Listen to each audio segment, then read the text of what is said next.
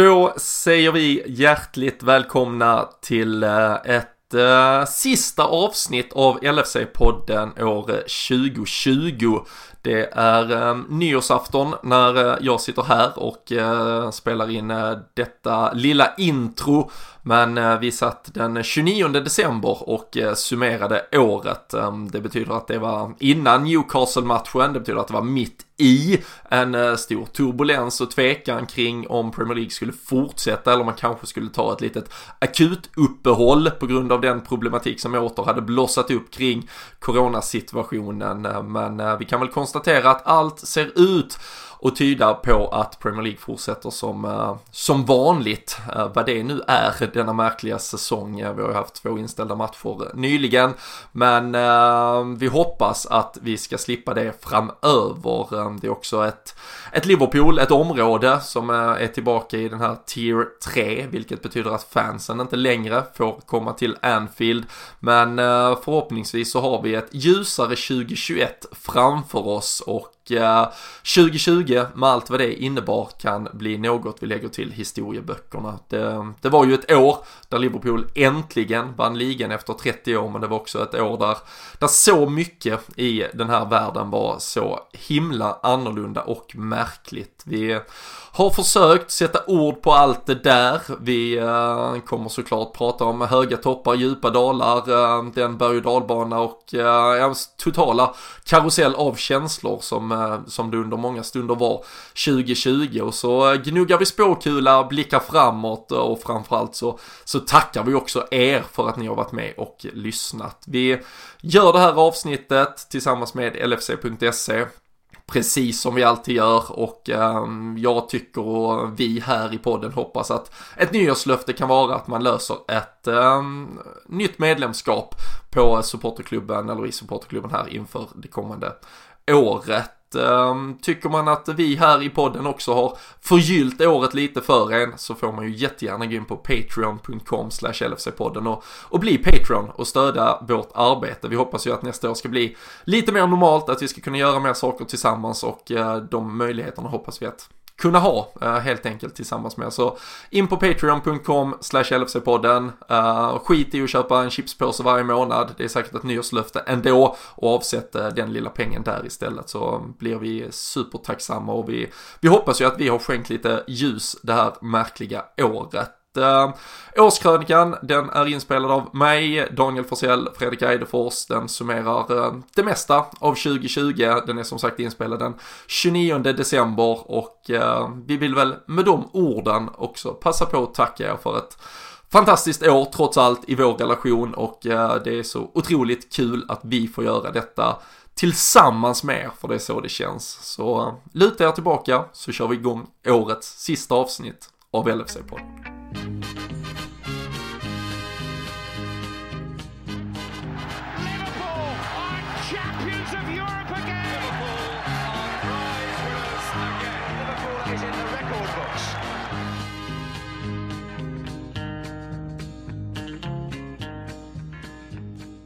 Jajamensan, eh, då har vi eh, äntligen, eh, kanske man ska säga, det kanske passar ganska bra när året är 2020, men vi har kommit fram till det absoluta slutskedet och det är dags att knyta ihop den säck som har varit ett sådär oerhört märkligt år och Eh, på många sätt och vis så känns det faktiskt ganska skönt att nu få göra det och eh, det blir ju inte bättre än att man får göra det tillsammans med Fredrik Eidefors och Daniel Forsell. Eh, vi börjar väl så här, det är två dagar kvar av år 2020 när ni lyssnar så är det kanske rent av slut. Men Fredrik Eidefors, så här precis innan nyårsklockorna klingar, vad är vad är känslorna man eh, stänger ner året med och eh, försöker ta med sig in i framtiden?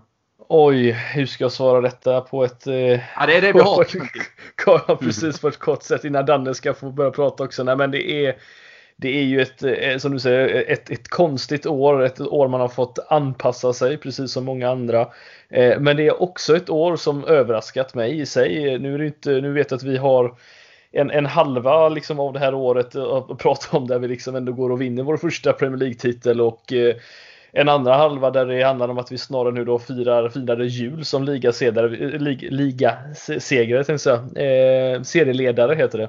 Eh, något som jag absolut inte trodde med tanke på hur eh, säsongen hade sett ut egentligen med alla skador och allt som uppstått. Men eh, det, det, är ett, ett, konstigt år verkligen, men ett, ett glatt år. Det är väl egentligen det vi kan säga sett till de förutsättningarna som har varit. Mm, ja, det är det är otroligt svårt. Eh, jag, jag har, eh, idag, vi sitter ju tisdagen den 29 eh, december och spelar in det här. Jag har också suttit och knappat på en, en krönika till LFC.se och den, den finns väl också ute nu då i takt med att ni lyssnar på det här. Och det, det var verkligen det där när man skulle försöka sätta sätta ord på ett eh, år som på många sätt och vis har varit så jävla miserabelt. Men, men samtidigt då Danne, året då, då Liverpools stora dröm gick i uppfyllelse. Det, det blir jävligt tudelat kring det.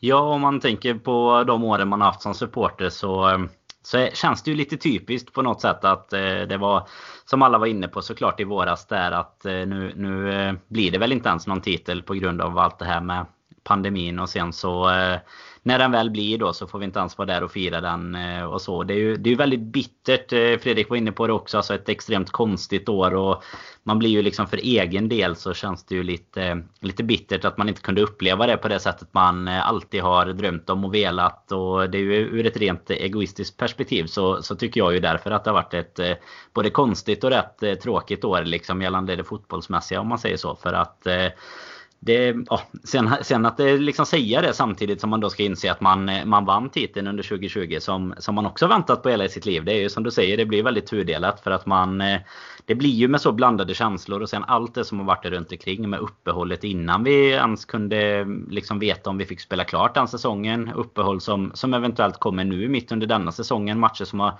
ställts in. Det var ju inställd match eh, när vi sitter här nu i senaste omgången med Everton, Manchester City och nya liksom virusutbrott och sådär. Så det, det, är ju ett... Eh, ja, det, det, är inte så... Man vet ju inte riktigt vad man går in med för förutsättningar till nästa år. Och, och då förstår jag att det inte är så jäkla lätt att sätta sig och, och knappa krönika heller om man mm. säger så.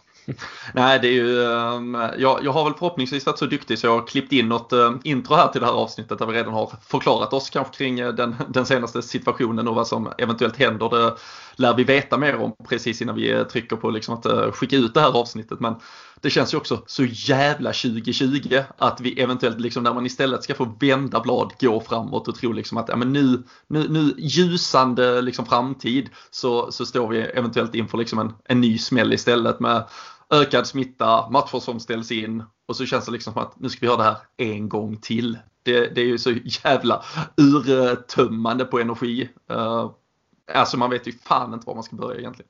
Nej, vi får se vart eh, det tar vägen. Det senaste nu när vi sitter här och spelar in den 29 som sagt är ju att det blir väl möjligtvis en två veckors eh, uppehåll här för att, att komma igång sen. Men det är ju liksom ja, möten och sånt som ska ske först. Vi har ju egentligen ingen aning. Så, så i ditt intro får vi väl se vad som har hänt helt enkelt.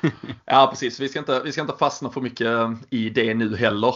Um, och det är ju alltid speciellt när man summerar ett alltså, kalenderår uh, ur en fotbollskontext. Uh, det, det är ju säsong gånger vi, vi spelar och eh, det är väl egentligen bara allsvenskan som står fast vid sin eh, vår, vår höstvariant som kan eh, stänga år eh, enligt eh, kalenderboken och eh, inget annat. Men eh, det är ju såklart säsonger man annars summerar. Men det här året ska vi väl ändå försöka ta ner och som du var inne på Fredrik så är det ju både liksom en, ett första halvår då, eller ja, första kvartal där vi liksom går den där, ja vi stormar fram mot titeln, vi får uppehållet, vi får till slut titeln nu en då höstsäsong där vi trots ett otroligt eh, liksom, ja, utsatt läge, skador eh, till, till höger och vänster har, har lyckats faktiskt koppla ett, ett nytt grepp ändå om en titel. Men um, om vi kronologiskt lite börjar. Um, jag tittar tillbaka på det för exakt ett år sedan, den 29 december um, 2019. Då, då slog vi Wolverhampton med 1-0. Uh, vi gick upp på uh, 50 två poäng. Uh, vi hade ett försprång på, eller 55 poäng tror jag det var kanske. Ja, bara för det. Uh, miss, det var många poäng.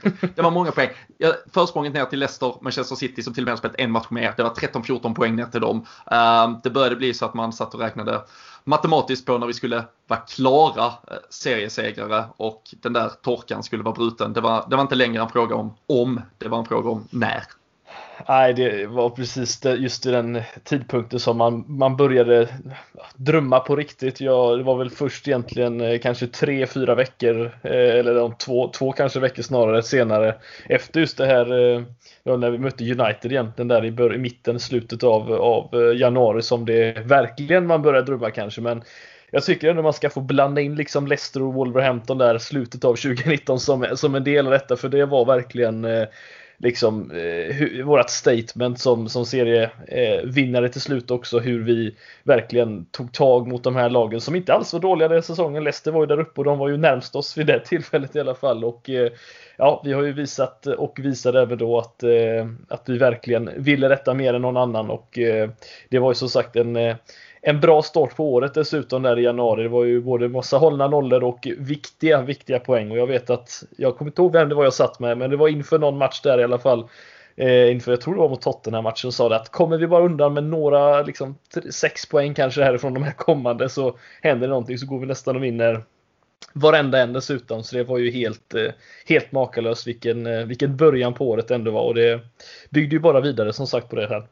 Det är ja. de matcherna ni tar upp där också som var, det var ju ett riktigt tufft schema efter vi hade varit på mm. VM för klubblag där. Det var ju Leicester, Wolves, Tottenham och det är ytterligare någon match där mitt i. Sheffield som, United var väl precis efter. Precis, och den var ju faktiskt tuff förra säsongen mot vad man nu tänker denna säsongen. Men, eh, det var i och för sig tufft denna säsongen också för just oss. ja, för oss var det tufft i alla fall. Nej, men det var ju, de bröt ju på bra förra säsongen. Så jag menar, det var ju att vi tog oss ur alla de matcherna. Det var väl ändå där någonstans som, eh, som du var inne på där Robin, om det var 14 poäng eller vad det var som eh, då, då, man ändå börjar på något sätt verkligen tro på det och tänkte att nu, eh, nu ska det väl inte kunna gå, gå fel liksom. Eh, poängmässigt i alla fall då. För eh, man har ju varit med om situationer tidigare där vi har legat bra med och i ledning och så men inte där vi liksom har ryckt med på det sättet som vi gjorde. Eller på det, det var ju alltså, totalt överlägsna egentligen under hösten och sen då början. Om man nu ska gå in på att vi ska summera kalenderåret så i början på det här året får man ju säga med då. Så ja, fortsatte vi bara på den inslagna vägen egentligen det var ju, vi kom ju som sagt, vi kom hem från VM för klubblag, gör den där Boxing Day-matchen eh, mot Leicester som är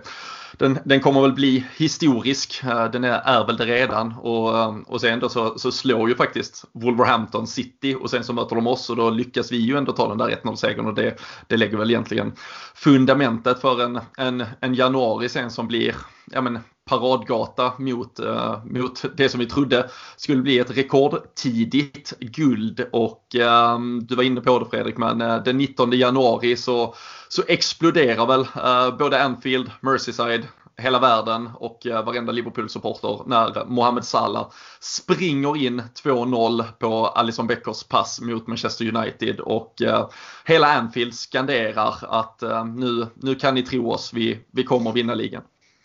Ja, och det var det, och det var precis så man kände. Eh, jag tror ni kan skriva på det också. Det är, eh, var väl, vad blir det? Eh, Sex år sedan eller något sånt där. Eh, vad blir det nu? Jo, sex år tidigare som man sagt som eh, verkligen kunde sitta och sjunga för då trodde man väl riktigt på det 2013, 14, året 18, 19. Då var det väl liksom, då visste man att City var där men nu var det verkligen så här, nu visste vi på något sätt att, att det skulle till något så otroligt mycket för att vi inte skulle eh, kunna liksom, avsluta detta och den matchen tycker jag ändå var eh, Först och främst, jag vet inte om ni kommer ihåg den själva. Jag, jag har suttit här nu under de här in, under eh, ja, vissa uppehåll här och kollat igenom gamla matcher som vi har gjort och det här var ju en sån match som jag faktiskt satt och kollade på. Den var ju, vi var ju totalt sett jättemycket bättre än United hela matchen. De hade väl något läge med Martial som jag vill minnas men just att vi var så dominanta i den här matchen var ju också ett sånt tecken mot United på hemmaplan och det var, vi var ju den här maskinen som vi har pratat om dem tidigare att de alltid har varit men vi var det den här gången och som du säger att avsluta det i 90, var det 93, 94 med med det målet dessutom och så ta av tröjan där och visa det, det, det fina bröstet på Mohamed Salah. Så det, var ju, ja, det, det är svårt att inte sitta och flina bakom micken här när man sitter och pratar om det. För det var vilken, eh, ja, vilket ögonblick det ändå var. Jag, mm. jag får väl säga att jag håller det som det högsta hittills i alla fall. Mm, ja, vi, vi bad ju uh, våra lyssnare skicka in uh, ja, men förslag där på. Vi hade årets match, årets spelare, årets um, händelse, årets, um, ja, men lite, li, lite allt möjligt. Det är väl både händelse och match men den där, det, det sticker ju utan eh, Alltså resultatet i sig, poängförsprånget som det blir, att det avgörs på det sättet. Att det, det är inte ofta egentligen en match får ja, men den förlösningen där, där det verkligen, du har ju, vi har ju redan 1-0 så att vi är på väg att vinna, det vet vi. Ja. Men just när han verkligen springer in den och alltså det är mot Daniel James som, eh, han är inte bra på mycket men han är ju snabb så in i helvete i alla fall och eh, Mohamed Salah löser det, gör det och så firandet efter.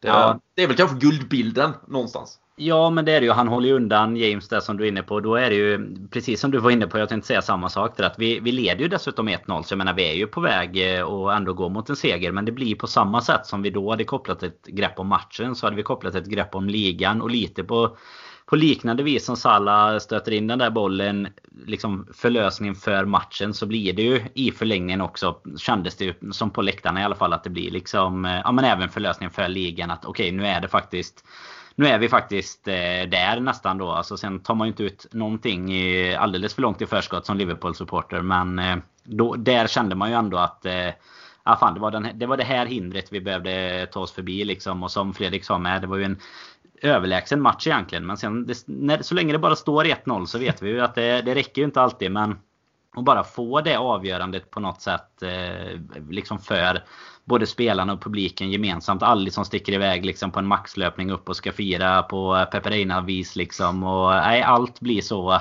Det blir, det blir verkligen årets händelse på det sättet. Eh, oavsett. Eh, eller den händelsen för eh, titeln liksom. Som ändå Just med inramningen att det är publik också. tycker jag. Men, det, det, det drar ju upp mycket. Kan man, man, inte säga att, kan man inte säga så att det här var väl den om vi säger i citationstecken, den sista gången under säsongen som man faktiskt, alltså allt därefter var ju liksom mer eller mindre bara en tidsfråga innan vi skulle avsluta det. Men mm. man satt ju många gånger under säsongen och tänkte att ah, det här är gången, det här är matchen, det här är tidpunkten eller situationen som vi kommer att prata om. Vi pratar om Villa exempelvis borta när vi avgör sent och alla de här grejerna. Men det, det där liksom sticker ju verkligen ut för att det är mot mm. United också. Det är på Anfield. Alltså Alisson hade lika gärna kunnat lägga sig ner och, och bara liksom krama om bollen i, i 15-20 sekunder och sen så är det över sen. Men just att vi ville upp och göra det här målet, jag tycker ändå säger mycket om vad det här laget under den perioden också ville. Att vi, vi ville framåt, vi ville liksom få med fansen på det sättet. Och jag tycker den matchen, eh, nej, den är så talande för just den här säsongen som, eh, som ändå skulle avslutas här. Eh, ja, ja, det var helt makalöst. Nej men jag, ja, alltså ni, ni sätter ju bra, bra ord på det och när man sitter här så just när man minns tillbaka på inramning och allting det, det känns ju som en en förlorad fotbollsvärld eh, egentligen. Den man, eh, den man ser framför sig när man ser bilderna. När man ser eh, Mohamed Salah stå och ta emot Alison Becker glidande på knä och ett, ett Anfield som håller på liksom explodera av, eh, av känslor. Det, ehm, det, är ju, det är ju de stunderna eh, man, man saknar nu. Det, det är ju såklart en extrem match och extrem händelse och, och liksom sticker ut. Det finns många eh, matcher i det vanliga serielunket som, som man kanske har liksom skämts bort med och inte, och inte tagit, eller tagit kanske för mycket för givet. Men de där stunderna är ju extrema även i, i, i den fotbollsvärld vi en gång kände och liksom när man går ut inför tomma läktare idag så, så känns det ju så otroligt långt borta och det, mm, det är ju bilder man har försökt ha med sig, veva liksom i, i skallen både en och två och tre och säkert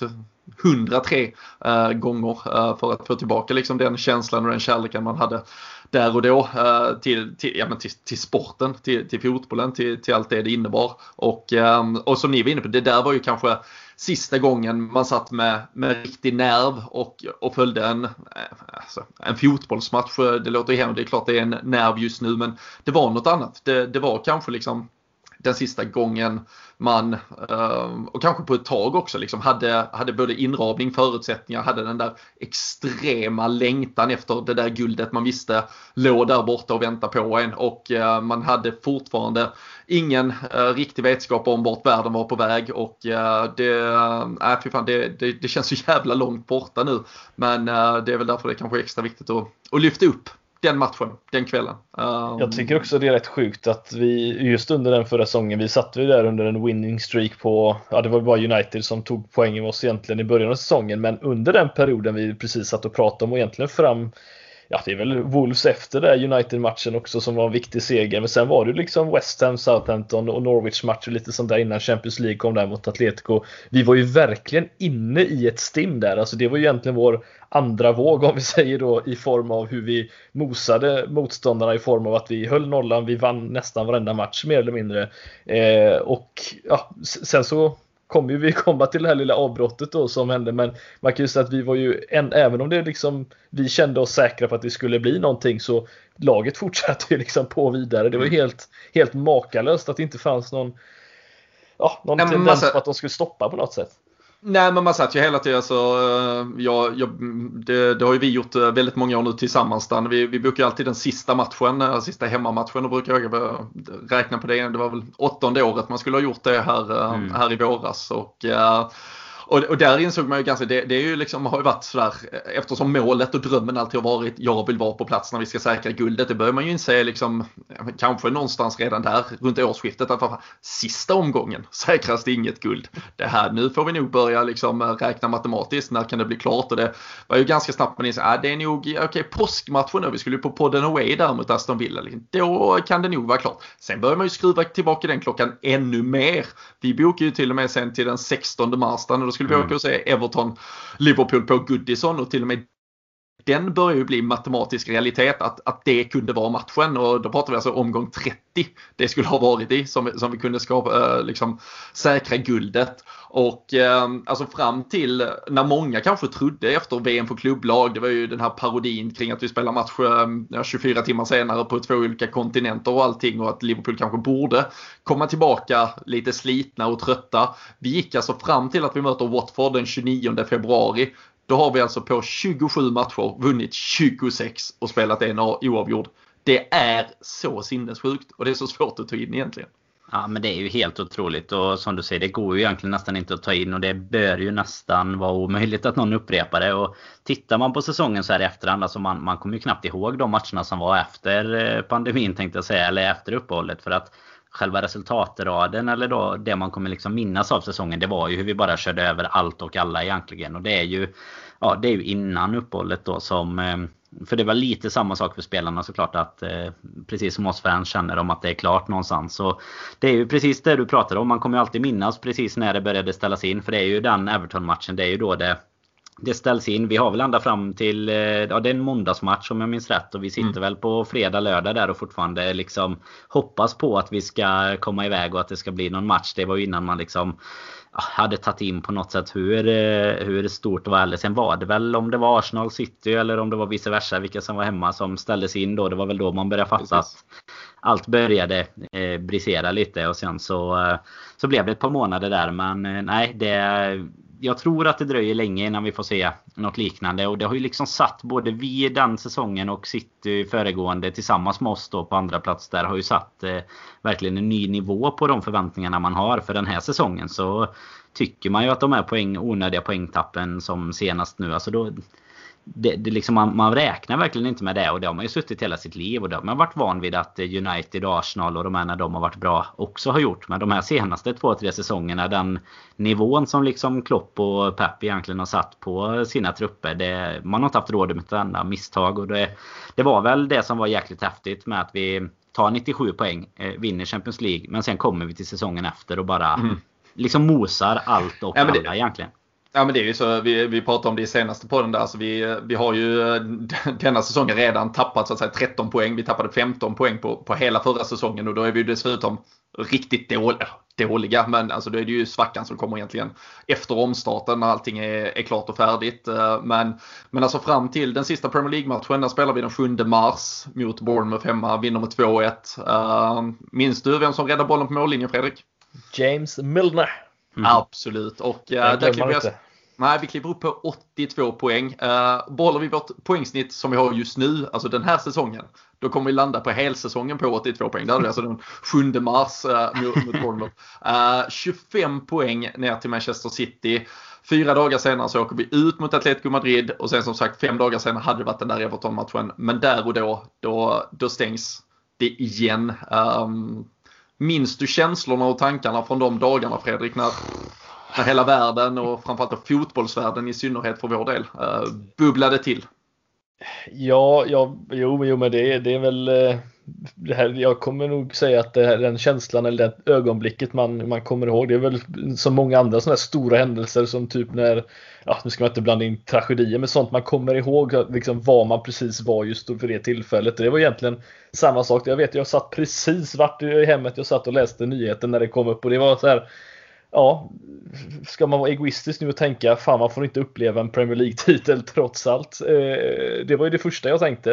Eh, det vill säga att man var lite egoistisk på det fallet. Eh, man visste inte hur illa allting skulle bli i slutändan men eh, ja, jag var ju livrädd att, att ligan skulle stängas ner där och då och skulle inte fortsätta så jag vet inte om ni kände samma sak men jag, jag satt verkligen och tänkte att det är klart att vi ska åka på detta när det liksom ja, man har suttit där nu, jag 27 år och jag har tyvärr inte hållit i Liverpool i alla år med tanke på att man inte varit tillräckligt gammal för att komma ihåg allt sånt. Men under de åren man varit aktiv supporter i alla fall så är det en del år man har suttit där och bara väntat att nu blir det våran tur och då satt man och bara tänkte att ja, det, det är uppenbart att som man säger, vi sålde själen när vi vände och vann mot Milan i Istanbul. Det måste ha varit något sånt.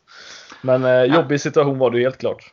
Ja men det var det alltså, Jag vet ju, vi, eh, alltså, vi satt ju alla, vi, vi körde ju på ganska frenetiskt med, med poddarna och det var ju väldigt eh, liksom, eh, o, oklart vad som hände först. Var det ju liksom lite som nu, det är väl därför också man liksom, man ska nog passa på att njuta av de matcher som spelas. Då, då var det ju också att ja, vi tar ett uppehåll på två veckor, vi räknar med en omstart genom si och så många veckor och vi kan fortfarande flytta lite, vi kan få ihop det och så sköts det upp både en och två gånger och sen förstod man att nej nu, nu stängs det nog ner tills vidare. Uh, i alla fall. Men jag tror, jag var väl ganska tidig med att, här, att, att Liverpool kommer vinna Premier League, att vi kommer få någonstans titeln, eh, att det kommer stå att vi är mästare. Det, det tror, jag, tror jag hela tiden jag, jag hade en ganska stark tro på. Och när man förstod omfånget av alla de tv-pengsmiljarder som trots allt ska ha sitt att säga till om så, så förstod man väl mer och mer att det här, det kommer ju att spelas klart men det kommer nog inte spelas klart på det sättet vi vill, eh, hoppas och tror. Och eh, det blev det ju såklart inte. Och eh, det var ju ett uppehåll på på mer än tre månader eh, innan det ens rullas, eh, rullades fotboll. Och eh, när vi väl kom tillbaka till Goodison Park där vi skulle ha stått där då, då var det ju en, det var en ny fotbollsvärld som, som hade öppnats upp. Ja men det var det ju verkligen. Alltså man hade nästan behövt gå tillbaka och lyssna på de här poddarna. För jag kommer knappt, alltså som Fredrik sa det, jag kommer ihåg när det, när det liksom togs beslut om att stängas ner och så. Men sen kommer jag knappt ihåg alla turer kring, ja men det ska skjutas upp någon vecka hit och två veckor dit och sådär. Eh, minns ju att man fortfarande satt och hoppades på den här påskmatchen och sådär också. Så att Antagligen var det väl så att man tog det omgång för omgång där i början i alla fall. Men eh, nej, sen, eh, sen var det väl Bundesliga som var först ut med att börja spela inför tomma läktare. Och man, man pallade någon halvlek där innan man insåg att eh, det var inte Bundesliga man, man ville kika på. Och när det väl blir Merseyside-derby då inför tomma läktare och, och allt det här. Det är ju en helt, som du säger, det är en helt Alltså ingen har ju varit med om det innan såklart. Och det är ju någonting som, som försvinner med fotbollen. Det tycker jag ju. Och det märktes väl i den matchen om inte annat. För det var ju en, det var en rejält tråkig tillställning. Det var inte någon bra reklam för fotbollen utan publik direkt eh, som premiärades där. Nej, fy fan. Det är en äh, riktigt äh, trött äh, tillställning. 0-0 och Ehm, det gjorde ju att vi tyvärr då inte hade det i egna händer ehm, ett par dagar senare när vi skulle möta Crystal Palace den eh, 24 juni. Eh, 4-0 eh, var ju klang och jubel på Anfield. Det är kanske en av våra mm bästa matcher egentligen, uh, sett till uh, fotbollsinsatsen. Uh, 11-0 har vi på Crystal Palace i alla fall då på två matcher 2020. Det, det är väl ett, något de kanske vill glömma när de sitter i sin lilla lokala podd och, och summerar händelserna. Ska vi bjuda in dem nästa gång eller? Ja, ah, fy fan. De, de två personerna som, som är på Crystal Palace är, är varmt välkomna in. Men den 25 juni Fredrik, då gjorde Chelsea jobbet och det trodde inte jag de skulle, men spelarna trodde det. Och Eh, de fick fira tillsammans eh, i alla fall på uteserveringen och eh, det var ju såklart ändå, som du var inne på, 27 år för din del, 30 år för väldigt många. Väntan var äntligen över och guldet var hemma. Ehm, det, det, var, det, det, var ju speciellt oavsett. Man visste väl aldrig hur man skulle reagera på det. Men där och då var det klart i alla fall med dem. Och trots de förutsättningarna som fanns. Ja, och det, det enda jag satt och tänkte då, även om man var, alltså inte när, när det väl var klart, men under, under matchens gång och inför matchen var just det här att här har vi gjort, stått för den här säsongen, och vi har gjort, och, vi, och det är inte ens vi som, nu, nu är det inte ens vi som egentligen på under, ja, det, min dröm hade varit att vi hade kunnat gå ut på en match, spela den, vinna den och så har man liksom gjort klart det där och då så att säga inte att någon annan gör det för en så att man blir mästare i kavaj på det sättet, men ändå var det skönt att sitta där för man visste att det skulle hända förr eller senare. Och när man satt där och jag har ju aldrig någonsin skrikit så mycket på en handboll som jag gjorde under tiden Fernandinho tog det med han ska jag säga. Jag tänkte så här, den här missar de ju säkert nu bara för det. Men det var eh, alltså det, nej, den känslan och då, spelarna säger ju det mesta egentligen också på de klippen. Man, man såg där hur de stod och firade där och det var Nej, det var en, en sån konstig känsla återigen. Man har ju aldrig varit med om det och eh, ja, nu kanske vi får med om det igen, men det, kommer fortfarande vara samma typ av grej, att man inte riktigt fullt ut kan liksom fira det på samma sätt. Det är ju det är fortfarande det jag saknar och eh, ja, jag vet inte om ni gör det själva, men jag sitter ju tycker fortfarande det är jobbigt att vi inte fick liksom ha en riktig parad och verkligen fick fira det fullt ut. För det, det, det stör mig fortfarande måste jag säga med mitt Liverpool-hjärta. Men äh, just där och då så var man ju bara helt glad över att man ja, fick uppleva det i alla fall. Det, ju, det var det första jag kände. Alltså just av den anledningen är det väl så att är det någon säsong man skulle bli mästare i kavaj så är det ju den säsongen ja. som var egentligen. Och, och, kanske den som kommer vara denna säsongen nu då beroende på vad som händer här under våren. För det är ju bara att och liksom annars få om, om man går tillbaka till hur det var innan då med fulla läktare och allt sånt. Då håller jag ju med dig där Fredrik. Då vill man ju verkligen att det ska få bli liksom en känslostorm på Anfield. Eller mm. även om det är på bortaplan eller sådär eh, som man får avgöra. Men, men just den här säsongen så kan jag ändå tycka att det var något vackert att få se utkavlade bilder från deras egna firande som de ändå ju hade förberett lite. Och, och liksom satt och kollade matchen ihop och Klopp står och dansar efteråt och lite sånt där. Det nej, det, det toppar nog ändå eh, ett firande på ett tomt Anfield. Eh, kan jag tycka i den här säsongen just då. Ja men det håller jag med. Alltså för, för spelarnas del. Alltså man får ändå ge dem alltså, cred till dem som hade tron på Chelsea. Uh, att, att de skulle göra det. Uh, för det var ju lite, jag, man var själv lite nedslagen över att vi just kryssade mot Everton och inte hade det i våra egna händer mot, eh, mot Palace uh, där kvällen innan. Vi det var ju trots allt i en, i en tid där man kunde samlas lite mer folk uh, mitt, i, mitt i sommaren och ett, uh, en lite lugnare virusvåg. Uh, så vi satt, vi satt ett lagom stort gäng i Malmö liksom och, och så. Den Crystal Palace-matchen hade ju hopp om att det skulle vara liksom matchen där, där vi säkrade. men det fick man ju vänta på samtidigt som du säger för, för spelarnas del att då kunna samlas och fira det tillsammans så sätt. för det är ju klart att sen en dryg månad senare är mäktiga bilder på en Jordan Henderson som sätter pokalen i skyn. Men det är ju fortfarande inte de bilderna man vill ha och det är ändå liksom okej okay, nu har ni lyft pokalen här. Ni, ni får inte göra så mycket mer. Ni ska, mm. ni ska åka hem igen. Och eh, då är det ju såklart jävligt mycket häftigare med det avslutet ehm, de fick där tillsammans. Ehm, sen måste jag då, eftersom eh, Fredrik påminner där, jag måste bara hylla det. Craig Parson som var VAR-domare i Chelsea Manchester City. Låt oss aldrig glömma det i alla fall. Eh, tänk om det hade varit David Coates som satt där. då, då hade, nej, då, då vet jag inte riktigt vad, ja, då vet jag inte vad jag hade vad jag hade gjort. Det var väl innan hatet började kanske men ja, eh, ja.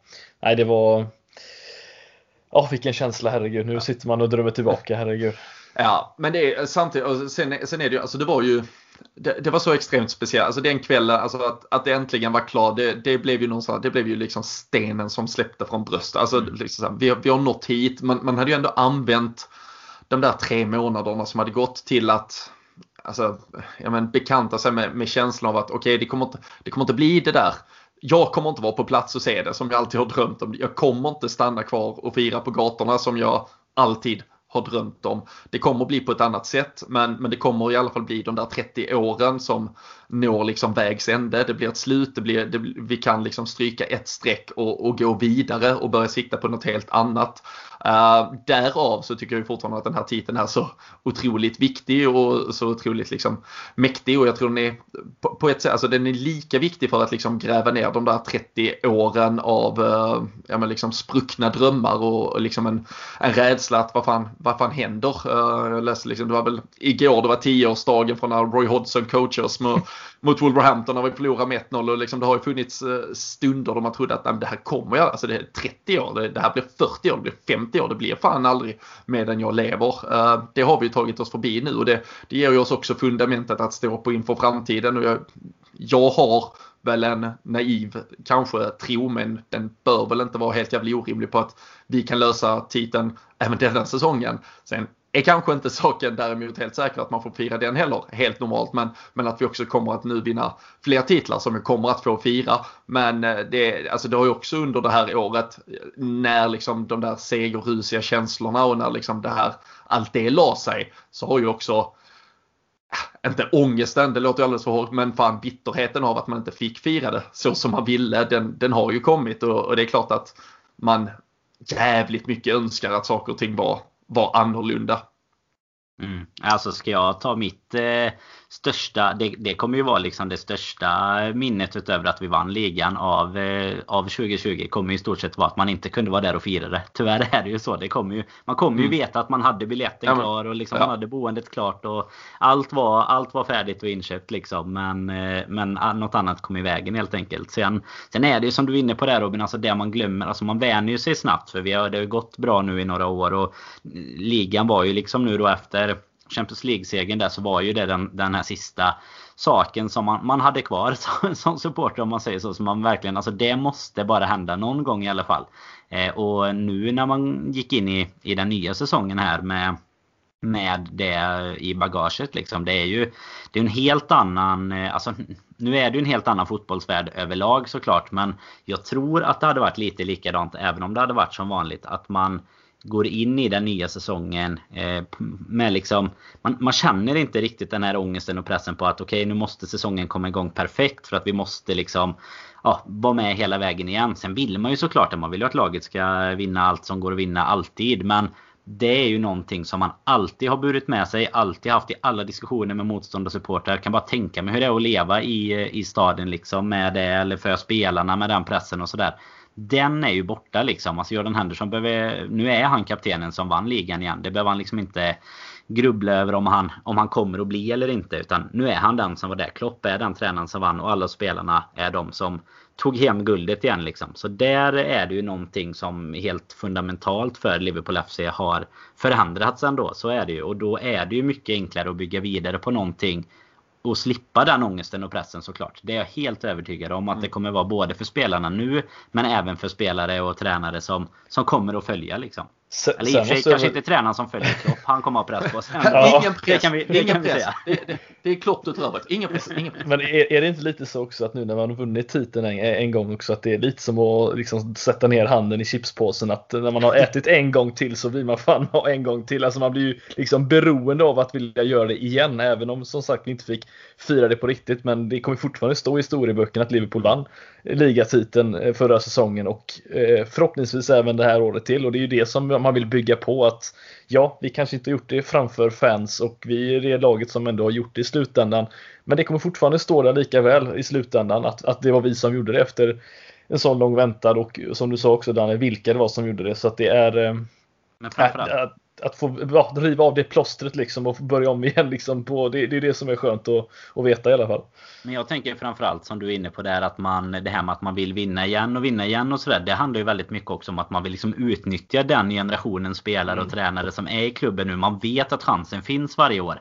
Det är ju det lite, alltså under Roy Hodgson så hade vi ju inte den chansen. Det var ju så här det var, det var ju bra om vi tog oss, eh, tog vi oss till Champions League så var vi jättenöjda och det är så det har varit under de, de flesta av mina supportrar. Alltså kommer vi topp 4 så, så är det ändå eh, okej okay, liksom. Och så har vi varit med och utmanat någon gång här och där. Men nu är vi ju med liksom, alltså vi är ju verkligen på toppen och då vill man ju kunna omsätta det i att eh, om 20 år kunna se tillbaka på de här åren som, som en storhetstid förhoppningsvis. Är vi kvar även om 20 år men om vi inte är det så, så kommer man ändå kunna prata om de säsongerna när vi vann Champions League, ligan och förhoppningsvis då eh, mer titlar fler gånger och, och allt det. Och sen givetvis att vi så snart som möjligt också får, får åka dit och fira det med. För vi måste i alla fall få åka dit och fira en ligatitel. Det får vara nästa mm. sån här eh, ok som man får bära med sig nu då. Att eh, nu är det att få fira ligatiteln på plats också.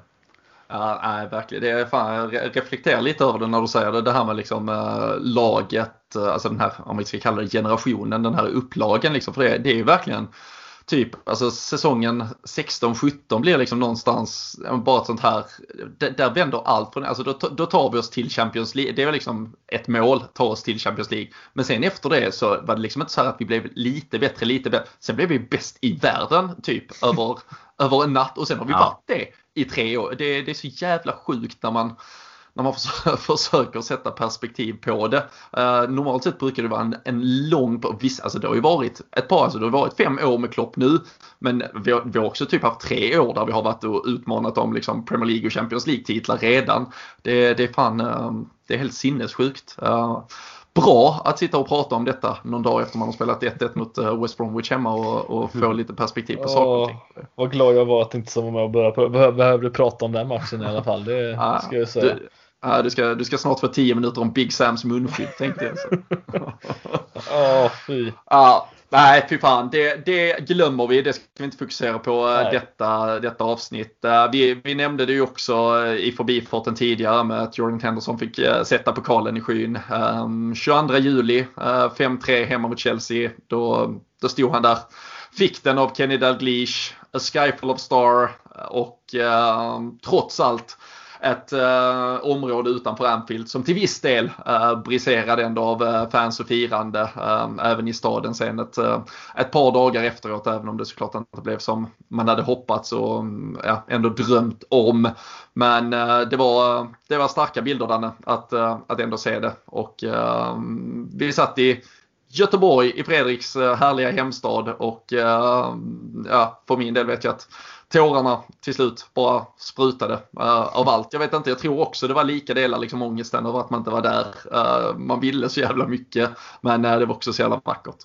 Ja, och i det, i det läget så hade man ju ändå liksom vant sig vid att eh, det var matcher utan publik och så vidare. Så man var ju bara jäkligt glad att, eh, att vi ens kunde träffas och, och liksom köra en träff ihop med, alltså under bra omständigheter på Olivedal där var ju eh, fantastiskt. Att man eh, liksom nu när man tittar tillbaka på året, vet hur det har blivit sen igen under hösten och sådär. Så är det ju det är de bitarna man får ta med sig och att kunna göra det den dagen vi verkligen lyfter eh, pokalen och sådär också. Det är ju det är lite lyx att man eh, liksom redan två månader innan kan börja planera för pokallyftet ändå. Det är ju det är inte, det är få förunnat oftast när det, när det handlar om ligatitlar så. Men eh, nej, det är ju fantastiskt att, eh, att kunna dela en sån, eh, alltså en sån liksom glädje. Det var ju det var ju så nära Sandon eller The Park eller någonting. Man kom i alla fall när, när man inte kunde lämna landet. Så. Lite mindre klorin och lite ja, fräschare mat. Lite fräschare ja, precis. Stämningen var i alla fall det närmaste man kunde komma. Ja, nej, fantastiskt. Eh, och så just som du säger, alltså det, det, problemet blir ju för de som var på plats, om man säger på själva, alltså spelarna då på själva pokallyftet. Det blir ju så här. Okej, okay, nu lyfter vi pokalen. Det är lite liksom ljusshower och sånt. Och sen tar det ju slut liksom. Det är ju klart att det är en helt otrolig skillnad mot vad det hade varit med, eh, med publik på plats. Men sen eh, blir man ju ändå lite glad av att se att folk ändå tar sig ut och firar liksom. Även om, eh, om det inte var helt rekommenderat av UK-staten. och, och, det, och det är en, lö, det är en lövren höll jag på att säga. Det är en Löfven. Ja, ja det, det är nu när Löfven bryter mot alla regler så känner man, har man ju vibbarna av att Lovren också gjorde det. Uh, han drog ju trots allt ut och firade med fansen. Det, det, gör ju att man ändå älskar honom. Ja, så är det. Det får, det får man igenom. Ja. Um, Jordan Henderson, Fredrik, måste vi ju nämna uh, ja. i samband med detta. Uh, också en som våra lyssnare uh, väldigt mycket lyfter fram som, som hela årets bästa spelare. nu är han kaptenen som vann Champions League, vann Premier League. Han gjorde oss till bäst i världen. Det, det, det är svårt att argumentera mot hans storhet nu i alla fall. Ja, verkligen. Alltså det är Ja, jo men, jo, det är det. Och sen, sen är det klart att eh, han är ju inte topp 5 när det gäller bästa fotbollsspelare rent tekniskt bara på, på planen. Men ha, som, som en helhet med vad han erbjuder och vad en fotbollsspelare ska kunna göra på planen så erbjuder han någonting som inte många andra gör och det är just den här energin och viljan att aldrig ge upp i slutändan som han har visat nu i rätt många säsonger men som verkligen visades på förra säsongen när han eh, ja, drev det här laget framåt. Jag, jag, klart, jag håller väl till exempel spelare som Mané och Robertson exempelvis som bättre spelare under säsongen om man fick summera på det sättet. Men det är rent spelmässigt, men annars alltså, som person så håller vi ju honom alltså högst av allihopa egentligen för att eh, vad han har gjort nu de senaste säsongerna. Varit nära dessutom.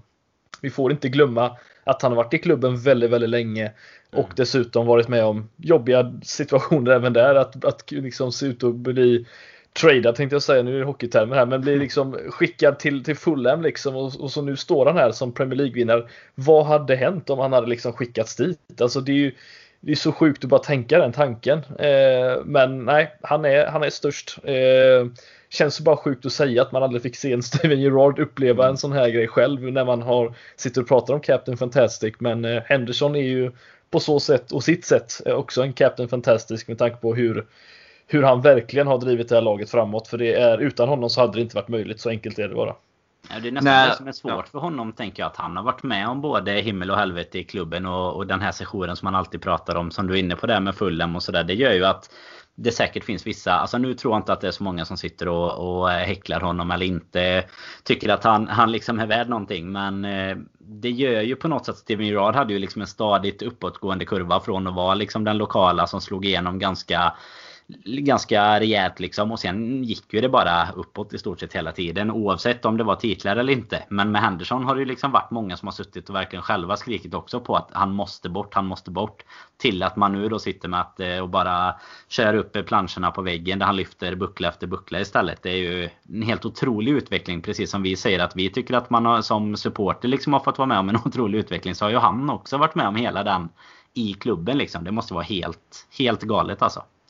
Ja, nej, nej det, alltså man är ju, och alltså hans, hans år, eh, alltså det måste ju liksom läggas till hela eh, alltså coronauppehållet där, där han var ytterst drivande i liksom spelar, att organisera spelarna i, i deras, eh, ja men deras vad ska vi säga, liksom deras engagemang kring insamling av pengar och, och bidra och hjälpa till. Och i, i en situation där, där han mycket väl, alltså, om, man, om någon nu skulle ha fog för att kanske deppa ihop liksom kring vilka scenarier som var, var troliga för säsongen och att han skulle vara den som stod där på ett fullsatt Anfield och, och lyfte pokalen och så mycket av det, de drömmarna grusas så, så vänder han istället um, liksom den, den attityden till att, till att göra en, en, en minst lika stor insats vid sidan av planen. Det, det summerar honom så, så jävla bra som människa och eh, visst nu, nu har väl eh, Lewis Hamilton staplat tillräckligt många Formel 1 guld för att eh, han då skulle kunna röstas fram till årets eh, sports, ja alltså årets idrottare i England. Men, men att Jordan Henson kommer tvåa på den, eh, i den omröstningen, det, det säger ju lite, det, det är absolut en uh, Liverpool-fanbase som är jävligt bra på att uh, gruppera sig när det ska röstas. Uh, har vi lyckats göra Lucas Leiva till årets spelare i Lazio två gånger om så, så kan vi nog rösta fram Jordan Henson till årets idrottspersonlighet i England. Men, men det, det, visar nog ändå den storheten som når ut till varenda hem och, och vrå i hela England. Och ja, det är ju symbolspelaren för för allt det som vi, vi vill stå för såklart. Och sen, sen nämner du ju spelare med, eh, kanske, eller Andy Robertson är ju en jävla evighetsmaskin. Men där är Sadio Mané, där är så många till med, med spetsegenskaper och eh, finurlighet och finess som, som gör det här Liverpool-laget så så ännu mer flärdigt och eh, liksom älskvärt eh, även för den, den utomstående så, som eh, jag tycker det har varit jävligt mycket enighet kring att det här Liverpool-laget är, är en sån fröjd för allt och alla och det, eh, det är mäktigt att det är ett sånt lag som faktiskt når hela vägen. Det är liksom inte att vi bara råkade gneta oss till och vi, vi trillade fram och så fick vi en pokal utan eh, det, det var en det var en sån jävla överkörning av kanske det bästa laget som, som någonsin har spelat i Premier League. Um, man kan väl bara kanske argumentera för att vi, vi säsongen innan var ännu bättre men, mm. men allt i allt så, så är det ju, nej, detta, denna generation, den eh, lär vi aldrig glömma. Och eh, det spelar väl ingen roll Fredrik att vi inte gick obesegrade eller nådde bara 99 poäng heller när man eh, ska summera de här historieböckerna. Nej, det spelar liksom ingen roll. Det är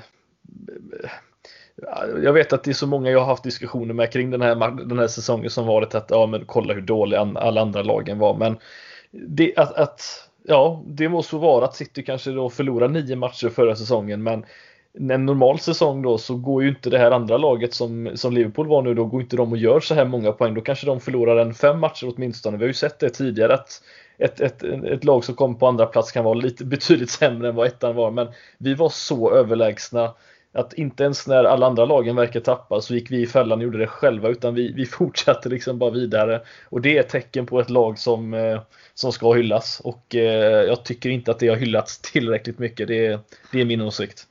Nej, alltså, Men du är inne på rätt spår där. Alltså, ja, du, ja, men du har, ju, du har ju ett Leicester idag som ligger tvåa efter 16 omgångar. De har redan förlorat fem matcher. Alltså, mm. no, normalt så gör de flesta lagen det. Men normalt så blir det ju, ja, vi, vi var inne på det lite innan, just det här med en normal säsong. Och en, man brukar, alltså man, jag, jag, kom lite på den känslan igen nu här de senaste dagarna. Det har varit så här. ah, om vi vinner då tar vi ett litet ryck här. Ah, och så, men så tappar vi poäng. Men så, så plötsligt tappar toppen en poäng. Och, alltså, där har vi ofta kanske varit det jagande laget. Till och med att det har varit att man jagar en Champions League-plats. Men man har ju aldrig tagit för givet att alla vinner alla sina matcher. Alltså det, är ju, det har ju varit en ny norm som bara vi och City har satt de senaste tre åren. Annars har det ju varit just den där, ja men så kanske de kryssar där och så vinner vi där. Ah fan och så kryssar vi ändå mot det här jävla skitlaget. Alltså det, det, det, är ju så en normal fotbollssäsong ser ut. Men uh, ja, så, så det är ju inga det var ju inga så konstiga, det vet ju många ville få till, som du säger, alltså liksom att alla var så rekorddåliga. Alltså plats 2, 3, 4, 5 och 6, alltså det var ju exakt samma poäng som man brukar ha historiskt sett på plats 2, 3, 4, 5 och 6. Nej, och det sjuka var ju snarare som du var inne på lite kort där Fredrik. Det var ju att vi hängde på City så säsongen innan. Alltså där vi tar 97 och de 98 så, så ska ju egentligen de vinna ligan med 15-20 poäng. Det är ju det som är den stora skillnaden där. Att vi verkligen var två lag som gjorde upp om det. Och nu eh, då när, när vi vinner och samma när de tog sin 100 poäng säsong där eh, så, eh, så är det ju så att då är det ju ingen som hänger på ända in i kaklet istället. Det är ju det som är den stora, stora skillnaden och det är ju som, som du säger med Robin, alltså det har ju inte hänt innan utan nu det här är ju egentligen en mer normal säsong att fan vi tappar mot Brighton något poäng och VBA och sådär och det hur tråkigt det än är att konstatera så, så är det ju mer normalt i de här onormala tiderna att, att det faktiskt ser ut så att det är lite jämnare överallt att det inte är ett lag som bara är är helt fullständigt dominanta och det är väl det som är ett sånt sjukt betyg på vad, vad Klopp liksom har lyckats göra med Liverpool på så kort tid som det ändå är. Även om man tycker att fem år är, är lång tid i livet så är det ju väldigt lite för att eh, transformera en fotbollsklubb helt liksom. Så eh, där är det ju helt otroligt egentligen. Och vi får väl se om, eh, om liksom det kommer komma upp i, i de nivåerna eh, någon gång framöver igen. Men eh, jag är väl inne, alltså det var väl, jag tror att många la väldigt mycket vikt vid det här med poängrekord och sånt. Bara för att vi visste så länge att vi skulle vinna ligan. Och sen kom uppehållet när vi fortfarande vet att vi kommer vinna ligan på ett eller annat sätt. Eh, då blev det ju som något sorts eh, nästa mål. Sådär att okej, okay, då ska vi ta poängrekordet eller vi ska göra det obesegrade. Nu, nu hann vi ju med att förlora mot Watford där i, i Arsenals största bedrift på hela 2020-talet där mm. innan eh, innan pandemin då. Men i övrigt så var det ju egentligen så här, ja men poängrekord och, och den biten som blev det nya målet om man säger så. Medan man i efterhand tycker jag skiter fullständigt i... Alltså det kunde jag verkligen inte bry mig mindre om. Det kanske finns någon som säger emot men det står ju inte i historieböckerna att det var på den näst bästa nivån vi vann. Liksom. Nej, nej men herregud. Nej alltså nu, jag, jag tog ju lite upp det för en, för en diskussion. Men jag, men jag tror helt ärligt inte jag liksom har sett eller läst det en enda gång. Liksom den dagen vi förlorade mot Watford var det så här, okej okay, vi blev inte obesegrade. That's it. Alltså sen mm. dess, inte. Jo det är när Arsenal vinner Community Shield eller någonting för att då, då vaknar de ju till liv istället för att härja nere på, vad är de på nu? Plats 14, 15, 16 14. kanske. 14, ja. Uh, så um, nej men, men annars är det ju det är helt ointressant. Um, absolut och, um, och det viktigaste det var att eh, den där titeln bärgades och det, um, ja, det är en, en väntan som eh, var över. Um, det var fantastiskt men, eh, men eh, som vi har varit inne på en, en mersmak för att mycket ska, ska komma framåt och att vi, vi ska få fira detta på, på yttersta allvar och största sätt vad det lider. vi, vi blir långa av att bara prata om förra säsongen. Det var ju hela året vi skulle försöka ta ner. det blir väl kanske lite svårt men jag tänkte i alla fall att vi måste stanna vid dem så här i juletid eller åtminstone bara strax härefter. Eh, Prata lite om de julklappar i form av nya spelare som kom eh, 2020 Fredrik. Eh, det var Takumi Minamino som kom i januari och det var ju sen framförallt Thiago och Diogo Jota som kom som man brukar säga i somras, men det var ju fan höst när de väl kom med tanke på det nya transferfönstret. Men tre spelare eh, och eh, framförallt en Diogo Jota som gjort avtryck, mest av dem kanske. Eh, Minamino kom ju som superspännande värvning efter att vi själva hade mött honom med Salzburg under vintern och Thiago såklart det, det stora namnet och kanske ja, men en av de största värvningarna vi någonsin har gjort som klubb. Men äh, än så länge väldigt svårt kanske att, att bedöma någon av dem egentligen, vad de har för framtid i klubben. Ja, det är, mina miner var ju som sagt på, på förhand visste vi ju på, på det lilla vi hade sett i alla fall att det var en spelare som gillade att spela i ett lag med mycket offensiv eh, frihet där framme och eh, där tänkte man att han skulle passa in alldeles utmärkt men eh, likt många andra spelare så har det ju tagit lite längre tid eh, vare sig det har varit på grund av han själv eller på grund av Klopps idé om att eh, spela in spelare lite mer långsamt. Det får väl Klopp eh, svara när vi, eh, han är med i podden nästa gång helt enkelt. Men eh, de andra spelarna egentligen tycker man ju som du säger, alltså Jota har ju verkligen kommit som en, som en raket. Vi, som sagt, jag har en, min, min min systers pojkvän håller, håller på Wolves och vi har suttit och kollat en, en del matcher till, ihop och jag har liksom aldrig riktigt sett honom som den som skulle kunna explodera på det sättet ihop och vi har suttit och pratat om det mycket och när han skrev på för Liverpool då fick jag ett sms ganska snabbt Nej!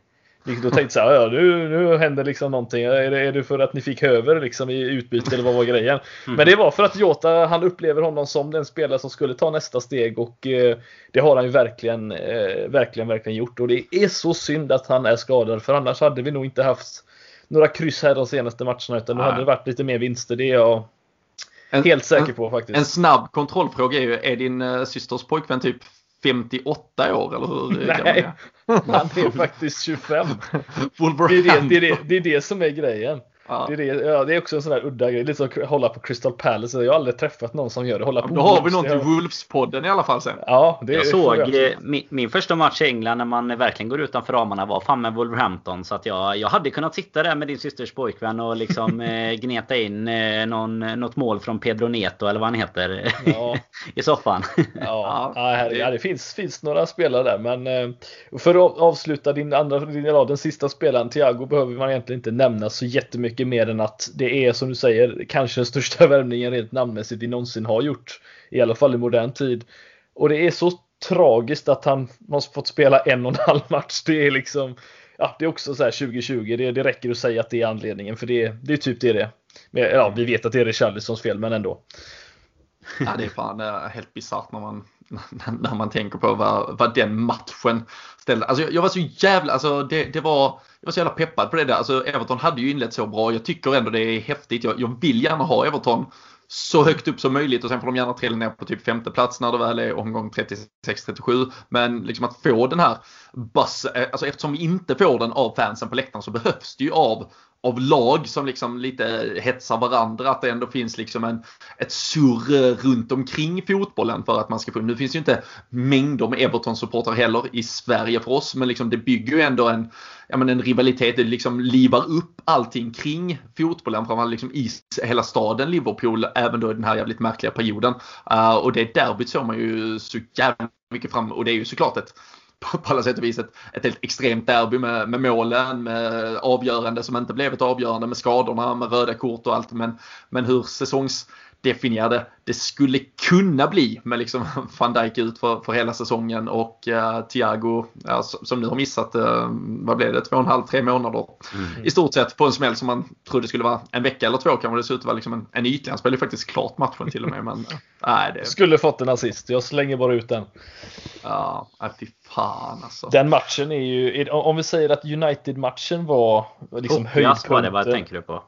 Ja, ja, men jag räknas den som en assist. ja, det är bra. Det är mycket eh, hockey på dig då. Ja, det är det. Eh, nej, men eh, om United-matchen var en, var en höjdpunkt, alltså den stora höjdpunkten 2020, så måste ju Everton-matchen vara den Eh, ja, vi förlorade med 7-2 mot Villa. Det kan inte bli sämre än så, men den har vi redan glömt liksom. Men Everton-matchen med, som du säger där Robin, vad allt det innebar och vad som hände. Det är en sån jävla... Du, du är nere så långt i grunden du kan komma med vad man får ut från den matchen en poäng. Två spelare, de bästa spelarna borta. Nästan, ja, nu har vi spelat 16-17 matcher utan van Dijk den här säsongen. Och Thiago har vi bara fått se en och en halv match. Det är liksom, och så en poäng på det. Det är helt makalöst. Mm. Det kan inte bli värre än så. Nej men det alltså, det, det, den är ju helt, alltså den är ju sinnes, alltså den går ju inte att uh, regissera alltså med, med det varmissen på, på överfallet och, och sen liksom min, alltså millimeter uh, skiten uh, i slutet uh, och allt det. Och, och det är ju, alltså jag, jag, tror många känner igen, alltså i det du nämner, alltså det här med Aston Villa, den är ju någonstans en parentes. Det var ändå matchen innan dessutom. Ja men den är, den, den, är en parentes den här hösten för det, där är liksom Everton, alltså Brighton blir liksom, lyfter man ju fram för det, alltså det sinnessjuka avgörandet i slutsekunderna där. Fulham 1-1, alltså West Bromwich 1-1. Alltså de här matcherna egentligen är ju jävligt mycket tyngre. Denna Sevilla-matchen den var så sjuk på sitt sätt och marginalerna kan vi prata om men det var ändå liksom till, till slut var det ju bara att liksom lyfta på hatten. Så gratulerar, alltså, ni får det här. Ni, ni vinner det här men äh, nej, där är, där är ju matcher efter det som, eh, som absolut äh, irriterar en. Och, äh, och jag tror också som, precis som du är inne på i alla fall, nu har vi ju både Fulham och West Bromwich här på, på senare tid där just en Diogo Jota hade mycket väl, han visade ju sig vara det i, i början av säsongen. Den, den spelare som eh, kunde förändra det mönstret och, och komma med de, de sena avgöranden. Ehm, sen har ju alla tre egentligen eh, avlöst varandra där eh, Salah, började han är ju alltid en garant för mål. Eh, Firmino för ett par veckor sedan eh, klev väl åter upp på den tronen där, där han hör hemma och Sadio Mané har egentligen fått att, eh, att lossna nu också. Så, så det är ju såklart otroligt mycket offensiv spets och den får vi den får vi fan heller aldrig glömma. Det är, det är lätt när man pratar om sådär, man lyfter om Jordan Henderson, man lyfter spelare, du pratar mycket om van Dijk, det är alltid Klopp och så. Man tar ju ofta de tre där framme för givet men men det är ju rätt sinnessjuka alltså jag, så, jag tror, eh, nu är Mohamed Salah ett par mål ifrån, alltså lika många mål som Ryan Giggs gjorde i hela sin Premier League-karriär på ungefär 450 matcher färre. Alltså, på tal om perspektiv. Det, alltså det, det, det, det var alltså, visst, Salah är lite mer offensivt, fair, men vi pratar ändå om winger i ett lag som var typ bäst i England i 15 år och eh, Mohamed Salah är är redan, eller väldigt snart, förbi eh, de siffrorna. Det, ehm, ja, det är fan svårt att, att förstå vilket lag vi har just nu. Eh, inser att jag själv nog inte gör det alltid i alla fall. Nej men Salah pratar vi ganska ofta om också. Det är just att greppa hans siffror egentligen. Dels tar man dem för givet och sen liksom varje gång man ser någonting så är det så här, ja men han nu gjorde han flest mål detta kalenderåret också om man nu ska liksom räkna det inte bara Skytteligan går ju över säsongen såklart. Men, men så ser man liksom någon så här stat som snurrar förbi på Twitter. Okej, okay, han vann eh, bäst, flest mål på kalenderåret eller bäst eh, inblandning liksom i olika poäng och sådär. Och det, vi har ju vant oss så mycket eh, av det. Både från honom egentligen. Från Mané och Firmino också. Eller med i alla fall det de bidrar med. Inte, inte såklart på samma nivå i siffrorna från framförallt Firmino. Men det är ju någonting som de tre har gemensamt som det, det är liksom svårt att se att vi han nästan kommer få uppleva igen liksom. Oavsett hur bra Jota har varit när han har kommit in och sådär. Men det, nej, det är ju helt otroligt när vi pratar om just generationen Liverpool som vi har just nu. Så, så kommer det ju vara topptrion som ändå är det man kommer diskutera först. Det tror jag ändå hur, hur fin Henderson och Allison och van Dijk och de här än är. Så,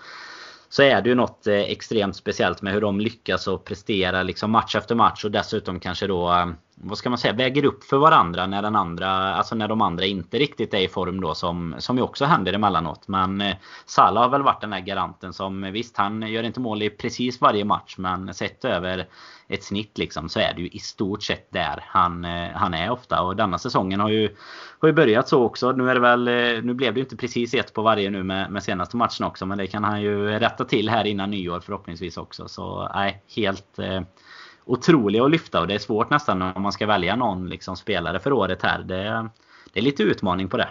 Divock ja. Origi. Ja, det är klart.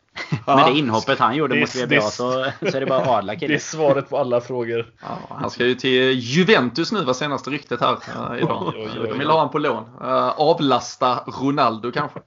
Uh, han kan ju förklara hur det... Ja, nu vi har ju... Nej, det var ett dåligt ja, exempel. Ronaldo, Ronaldo vet hur det är att göra mål i Champions League. Det var inget. Det var inget. Jag glömmer den. Ja, tyvärr.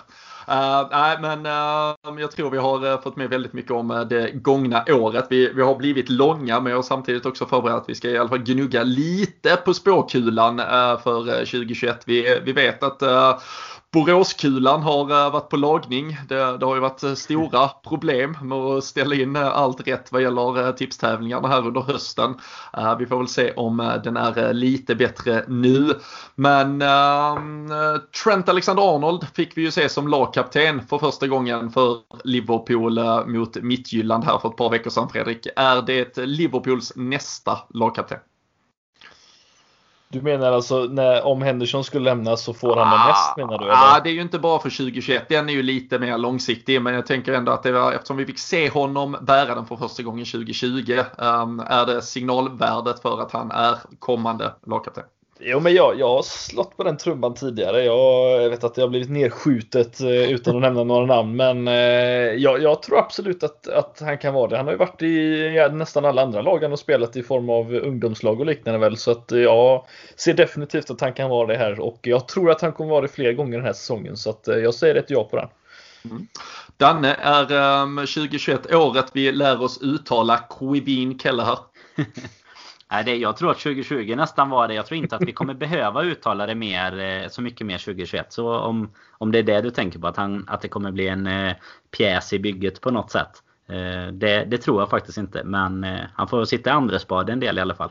Ja, vi, har, vi har ju gått ifrån nu sen det blev de här nio avbytarna. Vi, första matcherna körde vi faktiskt två målvakter. Nu senast var ju inte Adrian med längre. Han, eh, han har jag fått, tror att, jag tror ändå att han kommer att ersättas. Eh, jag, jag tror inte att Kalle kommer sitta eh, liksom fast eh, som andra keeper på, på lång sikt om vi fortsätter att och prestera på hög nivå faktiskt. Så tror jag att Klopp kommer vilja ha in någon med lite mer rutin. Men jag tror inte att det är Adrian i alla fall som kommer att, att sitta kvar. Det kan man väl slå fast. Den spåkulan kan... Den är, den är att kasta in en öppen spåkula eller vad man säger i de sammanhangen. Loris Karius tillbaka från sin utlåning i januari. Ja. Okay. Det, det, är bra grejer. Det är riktigt eh, kul för Alisson på träningarna. ja, det, är inte, det, är inte, det är inte jättesvårt att vara bäst på träning. uh, Fredrik, vem vinner Premier League 2021? Uh, alltså jag, jag tror på fullaste allvar att vi, uh, alltså vi har inte ens kommit upp i nivå den här säsongen och vi ligger fortfarande etta, vilket jag tycker är helt uh, makalöst egentligen. Så jag säger att Liverpool vinner ligan. Dock kommer det vara med rekordlåga poäng sett till de senaste tre, två, tre säsongerna. Men vi kommer göra det i alla fall. Det är det viktigaste. Så att eh, Liverpool vinner, det, det tror jag. Ja, det, det, tror jag faktiskt. Tror ni det med också eller? Ja, nej men alltså... det, det, gör jag. Alltså verkligen. Uh, det är ju E-, egentligen eh, med, med, med, allt vad man ska prata jinx och ta förbehåll för, eh, för allting numera när man pratar men, men jag orkar fan inte göra det. Uh, jag, jag, tror och är man, alltså tittar man på det helt objektivt så, så bör man väl tycka det också. Uh, jag, jag tycker, alltså Manchester United tycker jag nästan är, är näst bäst i ligan vissa stunder och de är det på grund av Bruno Fernandes till 90 procent. Um, kan, kan, han hålla det, den nivån han håller? Jag tycker kanske han är bäst i, i hela ligan. Jag tycker han är en av Europas bästa fotbollsspelare just nu. Um, jävla trist sätt att avsluta en LFC-podd på, uh, på året. Men uh, det är väl bara konstaterande. Det. Um, så, eh, men, men utöver det så, så, så, tycker jag ju inte de har eh, stabilitet och nivå för, för att utmana om det. Manchester City ser så otroligt dålig ut offensivt. Um, det kan man ju tycka verkligen med, med fog att vi gjorde mot West Bromwich också. Men, men vi har ändå en höjd som vi har visat vid, vid rätt så många tillfällen faktiskt den här säsongen. Men Manchester City har inte kommit upp i det all, alltså i stort sett inte en enda gång. Uh, Kevin De Bruyne står och slår ungefär samma bollar, tycker även att han ser lite tröttare ut. Men, uh, men där är ju absolut ingen som är intresserad av att, att göra något med de bollarna. Så uh, Nej, jag, jag, tycker att Liverpool går in i 2021 som ganska klara favoriter till att vinna en, en ny liga i alla fall. Jag inledde ju denna säsongen med att inte håsa upp oss alldeles för mycket. Jag tror att jag, att det var du, jag, och, eller Robin, jag och Christian som satt och gjorde något litet förhandstipp där. Och jag var nog den enda av oss som satte City där då. Men det tar jag tillbaks totalt. Jag är ju inne på samma spår som er. Jag skulle nästan säga att det går liksom inte att Alltså tittar man på matcherna så går det inte att tro något annat än att Liverpool ska vinna. Oavsett om vi nu har kryssat mot Fulham, VBA och, och, så vidare. Liksom. Men tittar man spelmässigt på det så, så är vi det bästa laget. Och hade varit eh, otroligt besviken om eh, vi inte ser till att kapitalisera och, och tar hem ytterligare en titel på det. För det finns ju verkligen chansen den här säsongen. Och det finns det ju för såklart, alltså är det någon säsong kanske något annat lag ska, ska göra en Leicester som man säger liksom. Men inte kanske från riktigt samma låga nivå som de kommer ifrån. Så, eh, så är det ju kanske det här året. Men eh, typ som du är inne på Robin, att United ska kunna gå upp och ta en titel. Det hade de inte kunnat göra om vi eller City var i, i den eh, formen som vi har, har varit de senaste säsongerna. Men här hade ju fler lag kunnat vara med och utmana. Men tittar man på det objektivt också tror jag så, så tycker jag nog att de flesta verkar vara på samma spår som håller på andra lag och, och ser oss som favoriter. Så det, det, kan vi väl slå fast i alla fall att vi, vi lägger lite press på, på gubbarna inför 2021. Ja. Det ska, de, det ska de kunna bära. Um, får vi svara lite kortare och snabbare på uh, några av de sista frågorna här då. Men uh, Fredrik, stannar Gino Wijnaldum i Liverpool? Ja. Härligt. Var det kort nog? Ja, det var kort nog. Du, du, tog det kortaste svaret, det var bara två bokstäver i det. I det. Ja, det är bra, du, du förhåller dig till reglerna. Ja. ja vi, vi hoppas verkligen det i alla fall. Danne, vem vinner skytteligan i Premier League? Salah. Är det um, stensäkert?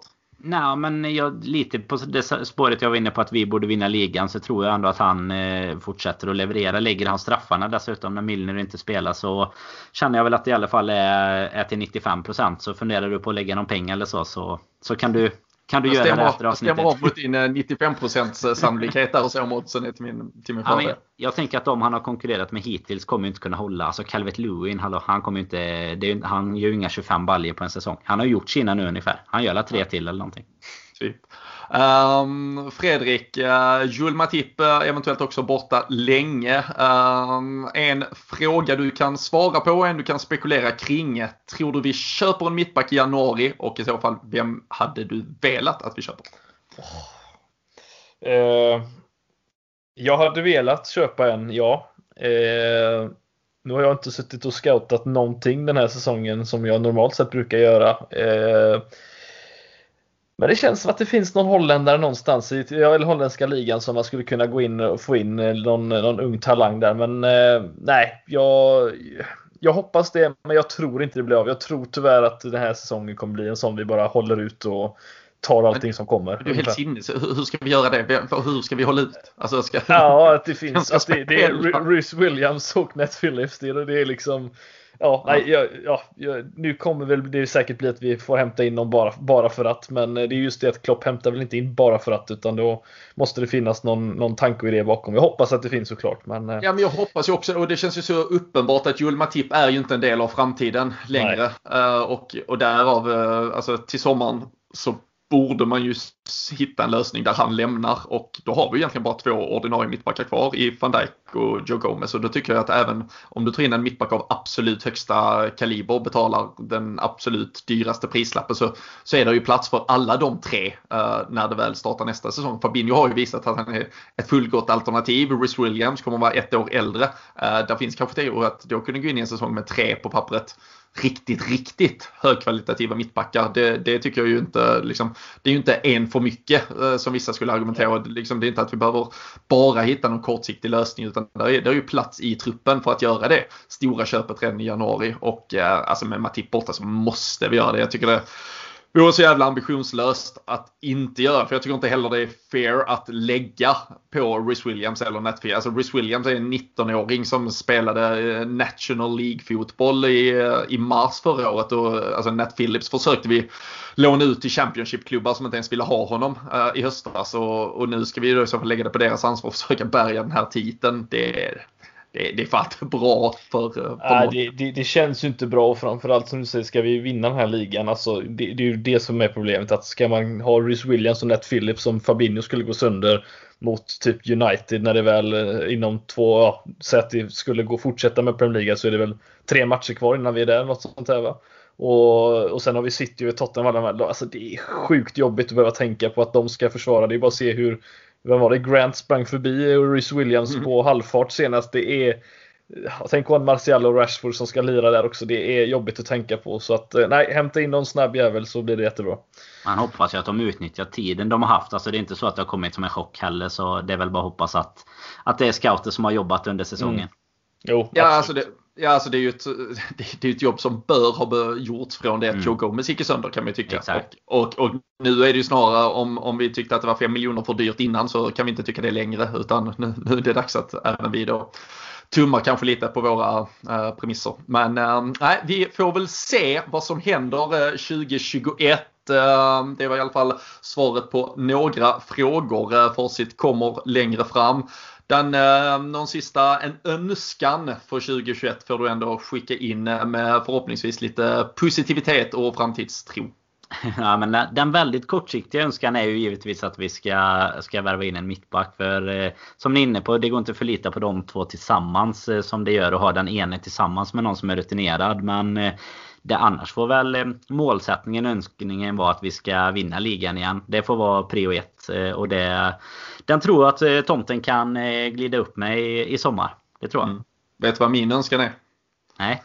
Att vi, att vi ska få det att vi träffas på Manchester Airport 21 maj. Att planet lyfter som det ska. Jag hade till och med kunnat stå i säkerhetskontroll fem gånger. Gått runt och runt och runt. Till och med vid ankomst hade jag kunnat göra säkerhetskontroll. Bara för att sen få åka in till Liverpool. Och det är skitsamma om man kan gå in på matchen eller inte.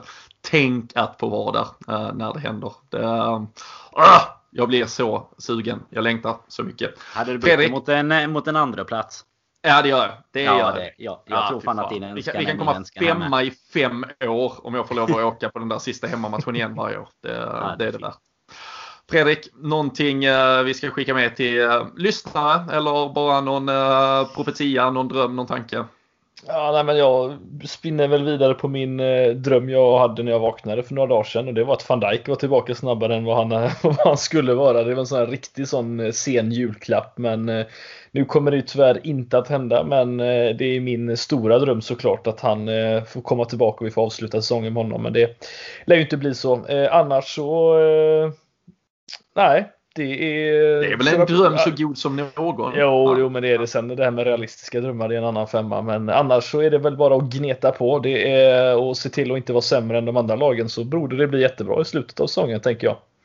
Ja, det var väl någon som hade gjort någon eh, liten analys av att eh, där uh, van Dijk la upp bilder från typ drygt en vecka sedan liksom, när han gjorde vissa övningar. Och från att Oxlade gjorde de övningarna till att han var tillbaka i lagträning så var det typ tre månader. Och så tänkte jag, ah, och så har ju van Dijk nog bättre läkkött. Och så. Ah, ja, Uh, det, det, är inte Dannes 95-procentiga sannolikhet att han är tillbaka liksom i slutet av mars kanske. Men uh, de där 5 procenten som är över kan vi väl ge till van Dijk kanske. Ska vi säga att han är tillbaka den 1 eh, maj mot Manchester United på bortaplan? Ska vi slå, ska vi gissa på det eller? Det, om, uh, det, det hade varit mäktigt. Ja.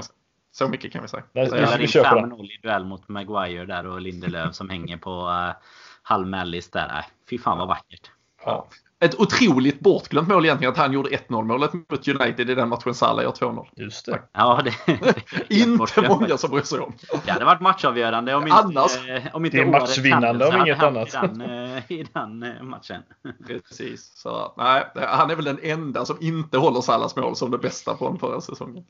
Nej, äh, fy fasiken. Äh, ett äh, jättespeciellt år har det varit. Äh, podden har äh, ännu en gång också stängt igen igen och eh, lyckats eh, hålla lågan vid liv. Eh, det är ju faktiskt avsnitt både innan och efter varje Liverpool-match. vi hoppas att ni uppskattar det och vi hoppas att ni fortsätter vara med oss inför ja, men det kommande året. Vi lovar att hålla exakt samma tempo. Förhoppningsvis kan man växla upp och återigen ha lite träffar runt om i landet när världen blir lite mer normal och med tiden hoppas vi såklart också att de här podden away-resorna som eh, vi gjorde och som var sådana succéer kan eh, tas, eh, tas upp igen. Det, det är ju egentligen det roligaste och absolut bästa med det supporterskap och det, de band vi, vi har knutit mellan varandra. Det är ju när vi kan ses och hitta på roliga saker.